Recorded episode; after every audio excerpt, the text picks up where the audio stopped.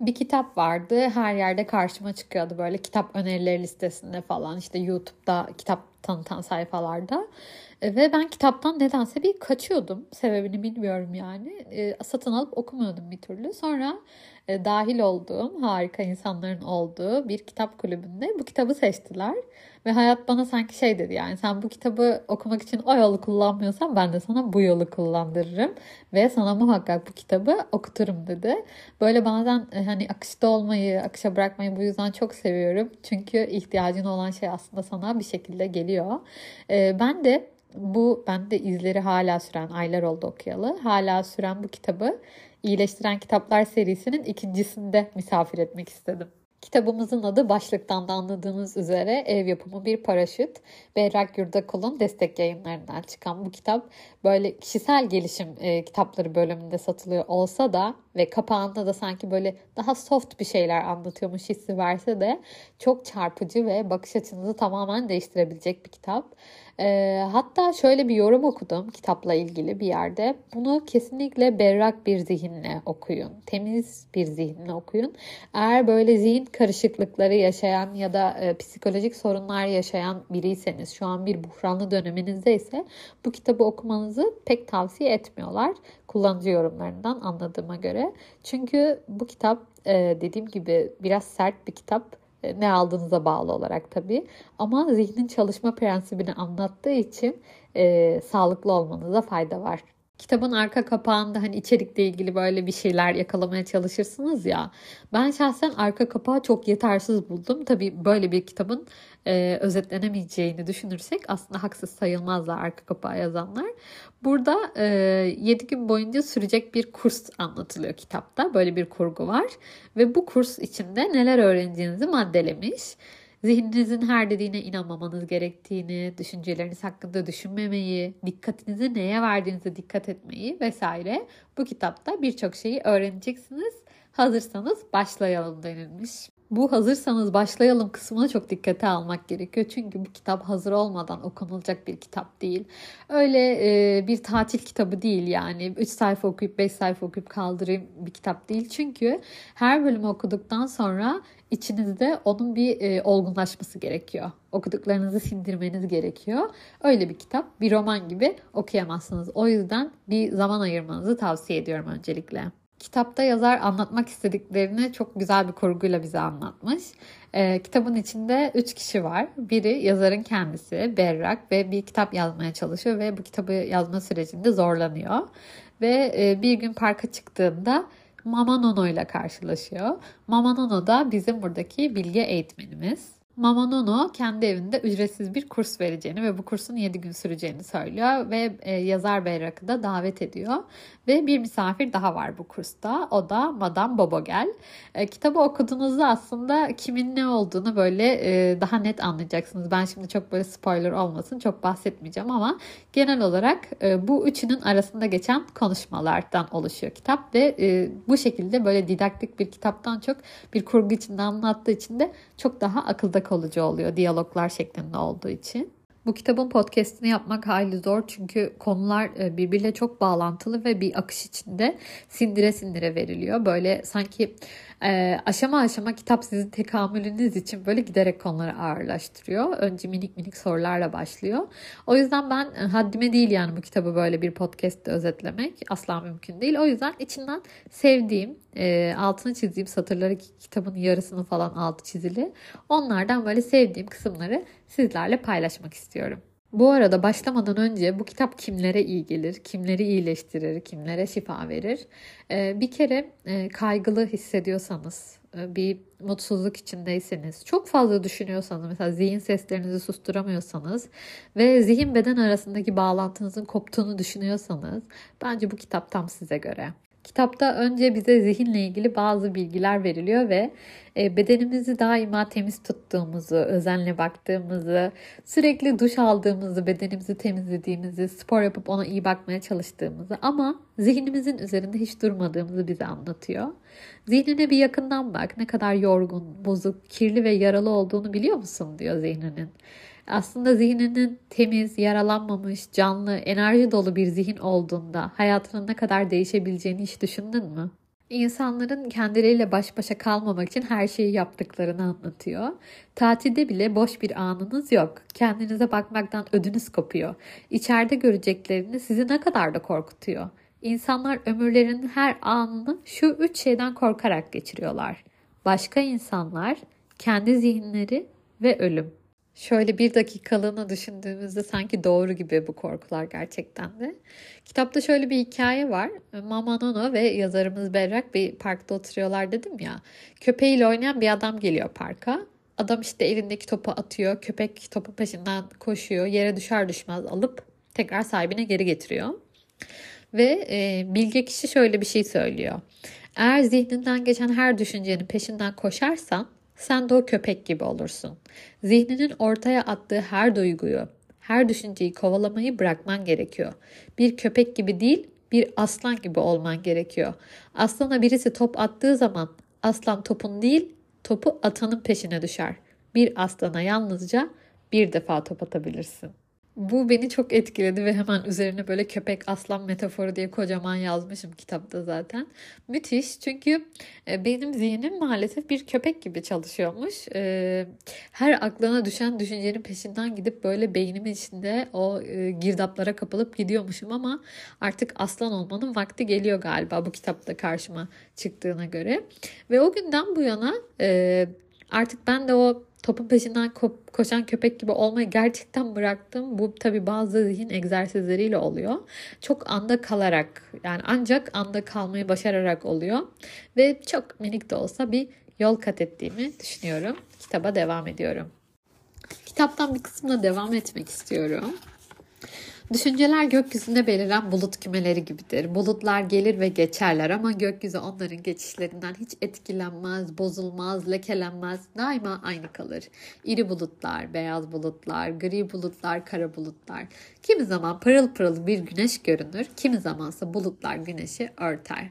Bazen korkunç bir fırtına patlak verir, şimşekler, gök gürültüleri yüzünden gökyüzü ürkütücü bir hale bürünür. Fakat ne gelmiş olursa olsun, ne kadar sürerse sürsün eninde sonunda bitecektir. Bulutlar geçip giderler, fırtına diner ve tüm bu olup bitenler gökyüzünde hiçbir iz bırakamaz. Zihnin gerçek doğası saf, bozulmamış ve sonsuz halini daima korur. Yani zihni gökyüzü gibi düşünmeye devam edelim diyor ve sonra buradan şu konuya bağlıyor. Burası çok güzel. Şimdi bu bulutların gelişi ve geçişi dedik ya fırtınalar. Eğer siz içinizden geçip giden bulutları kendinizi onlarla özdeşleştirmeden ve onların peşine takılmadan, onlardan etkilenmeden ve onlar hakkında düşünmeden izleyebiliyorsanız bu sizin uyanıklık halinizdir. Yani düşünceleriniz hakkında düşünmemeniz sizin uyanıklık halinizdir. İçinizden asil bir düşünce geçince kendinizi tebrik ederseniz veya kötü bir düşünce geçtiği zaman kendinizi kınamaya başlarsanız bir düşüncenin alanına girmiş olursunuz. Ama yapmanız gereken şey düşüncenin alanından çıkmak. Yani düşünceleriniz hakkında düşünmemek. İşte böyle yaptığımız zaman zihni e, temiz tutmuş oluyoruz. Zihin kendi işini yapmış oluyor. Çok sevdiğim bir kısım daha. Duygular ve düşünceler sizin dikkatinizle beslenirler. Siz dikkatini çektiğiniz zaman o duygu ve düşünceleriniz üzerinden havasız kalmış bir balon gibi söner giderler. Duygular ve düşünceler tek başlarına iyi veya kötü değildirler. Yalnızca vardırlar, oradadırlar, o kadar. Onları iyi veya kötü kılan sizin onlarla kurduğunuz ilişkidir. Çok güzel bir kısım daha. Geçmişe veya geleceğe gittiğinizde, hayallere ve fantazilere daldığınızda ona tutunup içinde bulunduğunuz ana geri dönebileceğiniz sağlam ve güvenilir bir şey. Sizce bu ne olabilir? Bir kafa yoralım mesela. Kafamızın içinde işte yıllar önceye gidiyoruz ya da gelecekle ilgili kaygı ve korkularımızla yüzleşmeye çalışıyoruz. Böyle bir girdabın içindeyiz. Ama bizi tam o anda içinde bulunduğumuz şu ana, geçmişten ve gelecekten kurtarıp tam olarak şu ana döndürebilecek hem sağlam hem de güvenilir bir şey. Ne olabilir? Burada bilge kişi e, kitapta cevap veriyor. Nefes. Ya nefes o kadar müthiş bir şey ki aldığınız anda yani farkındalıkla nefes aldığınız anda şu anın içine tekrar geri dönüyorsunuz. Çünkü nefes her zaman burada elimizin altında en kolay ulaşabileceğimiz ve en büyük yardımcımız. Bu kitabı kitap kulübünde arkadaşlarla konuşurken herkesin çok hoşuna giden bir anekdot olmuş kitapla ilgili. Şimdi o kısmı da sizinle paylaşmak istiyorum. Bir Japon düşünür şöyle diyormuş. Evinizin ön kapısını ve arka kapısını açık bırakın. Düşüncelerin gelip gitmelerine izin verin. Yalnızca onlara çay ikram etmeyin. İnanılmaz güzel yani. İşte zihnin uyanıklık halini, düşünceler hakkında düşünmemeyi ve her aklımıza gelenin peşinde koşmamayı bize örnekleyen minicik bir hikaye. Düşüncelerimin farkındayım. Görüyorum iyi, kötüyü, geçmişi, geleceği, her şeyi. Ama onlara ben de artık oturup çay ikram etmiyorum. Yani onlara vaktimi vermiyorum. Enerjimi harcamıyorum. Neyse ne olacaksa yaşayıp göreceğiz zaten. Anda kalmaya çalışıyorum bu kitabı okuduğumdan bu yana. Şimdi kitaptaki başka bir bölüme geçiyorum. Ee, sevdiklerimizle ilgili kısım. Sevdiklerimize iyi davranmak isteriz ama yani onlara karşı daha işte nazik olmaya, şefkatli olmaya böyle karar veririz ama bu kararlar sadece düşünceden ibaret kalır. Neden? Çünkü düşünce sevemez, sadece düşünebilir. Düşünmek, sevmek değildir. Sevdiğimiz bir insanı düşünmemizle o insanı sevmek aynı şey değildir. Sevgi zihin için bilinmeyen bir alandır ve e, zihin sevgiyi kontrol edemez. Zihin sevgiyi ertelemeye çalışır. Çünkü sevginin zihni alt etme kapasitesi vardır yani. Sevgi e, o kadar garip bir formül ki yani zihin sevgiden korkuyor. Çünkü şey diyor bugün sevmesen de olur. Nasıl olsa yarın veya ertesi gün de sevebilirsin. Sevginizi cimri olmaya teşvik eder zihniniz sizi. Çok sevgi göstermene gerek yok çünkü o kişi zaten yaşıyor yani bir hafta sonra da sevgini ifade edebilirsin vesaire gibi. Bizim aklımız karışabilir. İşte zihnin bu şekildeki bahanelerine yer vermeyin diyor kitapta ve en yakınlarınız bile zamanla hayatınızın dekoru haline gelebilirler. O yüzden uyanık olun. Laf olsun diye değil gerçekten yürekten gelen sevgiyle ve şefkat dolu sözler söylemeyi ihmal etmeyin. İltifat etmeyi e, hep bir sonraki güne bırakıyorsunuz ama bir sonraki gün hiçbir zaman gelmeyebilir. O yüzden kendinizi uyandırın ve kendinizi uyandırmak da sizin işiniz. Doktorunuzun yazdığı reçeteyi başucunuzda tutarak veya ezberleyerek iyileşemezsiniz. Yani ilacı yutmanız gerekiyor. İşte bu da yani sevgiyi düşünmekle sevgiyi hayata geçirmenin en büyük farkını anlatıyor. O reçeteye bakmayacağız. Yani o reçete hakkında düşünmeyeceğiz. O reçetedeki ilaçları yutacağız, sindireceğiz. Ve kitapta çok müthiş e, bir bölüm daha var sahte kişilikle ilgili. Orası o kadar mükemmel ki ben anlatarak bozmak istemiyorum. Çünkü bence yazar zaten anlatabileceği en güzel şekilde anlatmış. O dedim ya adım adım sizi olgunlaştırarak veriyor bazı bilgileri. Burada bazı şeyleri anlatmak kitabı basitleştirir ve e, kitaba haksızlık etmiş oluruz. Ben sadece kitabın içinden çok çok çok böyle minik paylaşımlar yaptım size ki e, aldığınızda yaprakların arasında neyle karşılaşacağınızı birazcık bilin diye. Yani çünkü bir roman türünde olmadığından bahsettim. E, kitap böyle. Ben e, okuyalı epey zaman geçti ama mesela nefes çalışmasını yapıyorum. E, düşüncelerimin peşine takılıp gittiğim zamanlarda hemen bir nefes alıyorum ve anda olduğumu farkına varıyorum. Kaygılarımdan ya da geçmişin o kötü anıların içinde kaybolmaktan kurtuluyorum. Bu sahte kişilik meselesi üzerine çok fazla çalışma yaptım mesela. Bu da benim çok hoşuma gitti. Ee, bana çok fayda sağladı ya. Bana gerçekten çok iyi geldi. Kitabın bence en iyi gelen kısmı şu. Aslında yaşadığımız o zihin karmaşası var ya bazı duygular. Onda yalnız olmadığınızı anlıyorsunuz. Çünkü acıların ne kadar kolektif olduğunu burada zaten anlatıyor. Birincisi bu. Yalnız değilsin. Bunları bir tek sen düşünmüyorsun. Sen kaygılanmıyorsun. Sen üzülmüyorsun. Sen kaybolmadın sadece. Yani birçok insan seninle aynı durumda. Bunu bir kere özümsüyorsun ve bu bir iyi hissettiriyor. Çünkü bazı şeyleri birlikte yaşamak, bazı acılara birlikte katlanmak daha kolay geliyor. Benim hayatımda hep öyle olmuştur. E, bu kitapta ve bazı şeyleri anlattıktan sonra sizi ortada bırakmıyor. Gerçekten size böyle kuyudan çıkacak o ipi de uzatıyor. Ama o ipin ucunu sımsıkı tutup yukarı tırmanmak da artık size kalmış yani. Çünkü bazı içinde zihin egzersizleri var. Size verilmiş bazı ödevler var.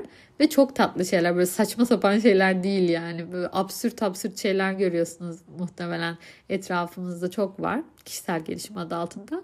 Bu kitaptakiler öyle değil. Çok çok gerçek bir kitap. Bu bölümü yapmak biraz cesaret istiyordu benim için. Çünkü vermek istediğim mesajları anlatamamaktan gerçekten korkuyordum. Ki muhtemelen de zaten anlatamadım. O yüzden bence siz okuyun. Bu kitaba bir şans verin. Ee, ev yapımı bir paraşüt hakkında benim anlatacaklarım bu kadar. Bir sonraki bölümde görüşene kadar kendinize çok iyi bakın. Hoşçakalın.